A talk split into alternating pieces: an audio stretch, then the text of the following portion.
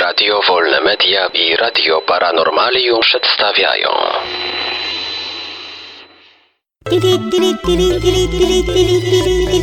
Dziwne informacje.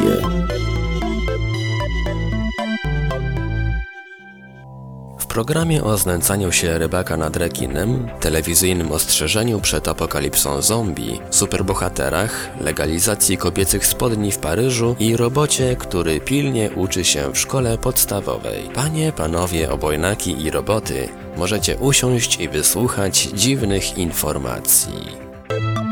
Skazany za znęcanie się nad żarłaczem. Leon Becker z RPA został skazany za znęcanie się nad żarłaczem białym na 120 tysięcy randów grzywny lub rok więzienia. Sąd uznał, że naruszył ustawę w sprawie żywych zasobów morskich. W zeszłym roku w Mossel Bay po godzinnej walce złapał na przynętę rekina białego. Z dwoma osobami wyciągnął go na brzeg, wlecząc na haku i zaskrzela. Przez 16 minut Becker pozował ze zwierzęciem do zdjęć. Przybyły na miejsce biolog morski Rihanna Johnson ostrzegł go o łamaniu prawa i pomógł żarłaczowi trafić do oceanu. Najprawdopodobniej wkrótce zdechł z powodu obrażeń i przebywania poza wodą. Żarłacze białe są w RPA chronione od 1991 roku. Telewizja ostrzegła przed apokalipsą zombie. Nieznani hakerzy włamali się do systemu pilnego ostrzegania ludności amerykańskiej telewizji KRTV. Po uzyskaniu dostępu do nadajnika wyemitowano ostrzeżenie o nadejściu w Stanach Zjednoczonych apokalipsy zombie. Komunikat, którego transmisji towarzyszyły wszystkie niezbędne atrybuty nadzwyczajnego ostrzegania ludności, informował o tym, że w kilku okręgach w stanie Montana odnotowano przypadki przebudzenia się umarłych w grobach. Emisję komunikatu zablokowano po kilku minutach. Inżynierowie firmy i policja prowadzą śledztwo w sprawie incydentu. No tak, włamali się, nadali komunikat, postraszyli ludzi i poszli dalej ekspić i wbijać levele. Jakim superbohaterem byś został? Interdyscyplinarny zespół naukowców z Uniwersytetu Stanforda podjął próbę zbadania wpływu wirtualnych supermocy na indywidualne zachowania ludzi i wirtualnie wyposażył badane osoby w umiejętność latania. Naukowcy twierdzą, że chcieli zobaczyć, czy wirtualna supermoc uaktywni to, co najlepsze, czy też to, co najgorsze w ludziach. Wyniki eksperymentu wskazują, że posiadanie supermocy zachęca w większości przypadków do zachowań empatycznych. Badane osoby, częściej niż w przypadku zwykłych śmiertelników, decydowały się nieść pomoc innym.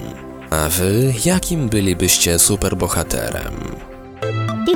Paryżanki mogą już nosić spodnie. Paryżankom oficjalnie pozwolono na pojawianie się w miejscach publicznych w spodniach. Zakaz, który został wprowadzony w 1799 roku, zniesiono decyzją ministra do spraw praw kobiet Najata Wolą Bakema. Wcześniej zakaz wielokrotnie próbowano anulować, ale władze odkładały podjęcie decyzji. Ustawa przewidywała, że kobiety mogą nosić spodnie tylko po uzyskaniu specjalnego pozwolenia. Publicznie w stroju męskim mogły także pojawiać się w wyjątkowych sytuacjach, na przykład na koniu. Teoretycznie paryska policja mogła zatrzymać kobietę w spodniach, praktycznie prawo od dawna było martwe. W dzisiejszych czasach, ze względu na tolerancję, tak piękną tolerancję, należałoby również oficjalnie pozwolić panom nosić spódnicę. Robot w szkolnej ławce 5 lutego w szkole podstawowej Higashi Rikari w Japonii pojawił się nowy uczeń. Nie jest jednak dzieckiem, ale robotem. Skonstruowany przez inżynierów z Advanced Telecommunications Research Institute International, Robowi reprezentuje poziom konwersacyjny pięciolatka, ale zaprogramowano go z uwzględnieniem materiału ujętego w podręczniku do przyrody dla piątej klasy. Pierwszego dnia w szkole robot początkowo trzymał się na uboczu, identyfikując fizjonomię i utrwalając ruchy napotkanych osób. Po lekcji odpowiadał na pytania szóstoklasistów. Eksperyment dotyczy koegzystencji ludzi i robotów i będzie trwać 14 miesięcy. Ratunku, bateria mi padła. Dziwne informacje. Wiadomości czytał Ivelios. Wybór informacji i montaż Maurycy Hawranek. Podkład muzyczny Protologic. Produkcja Radio Wolne Media i Radio Paranormalium.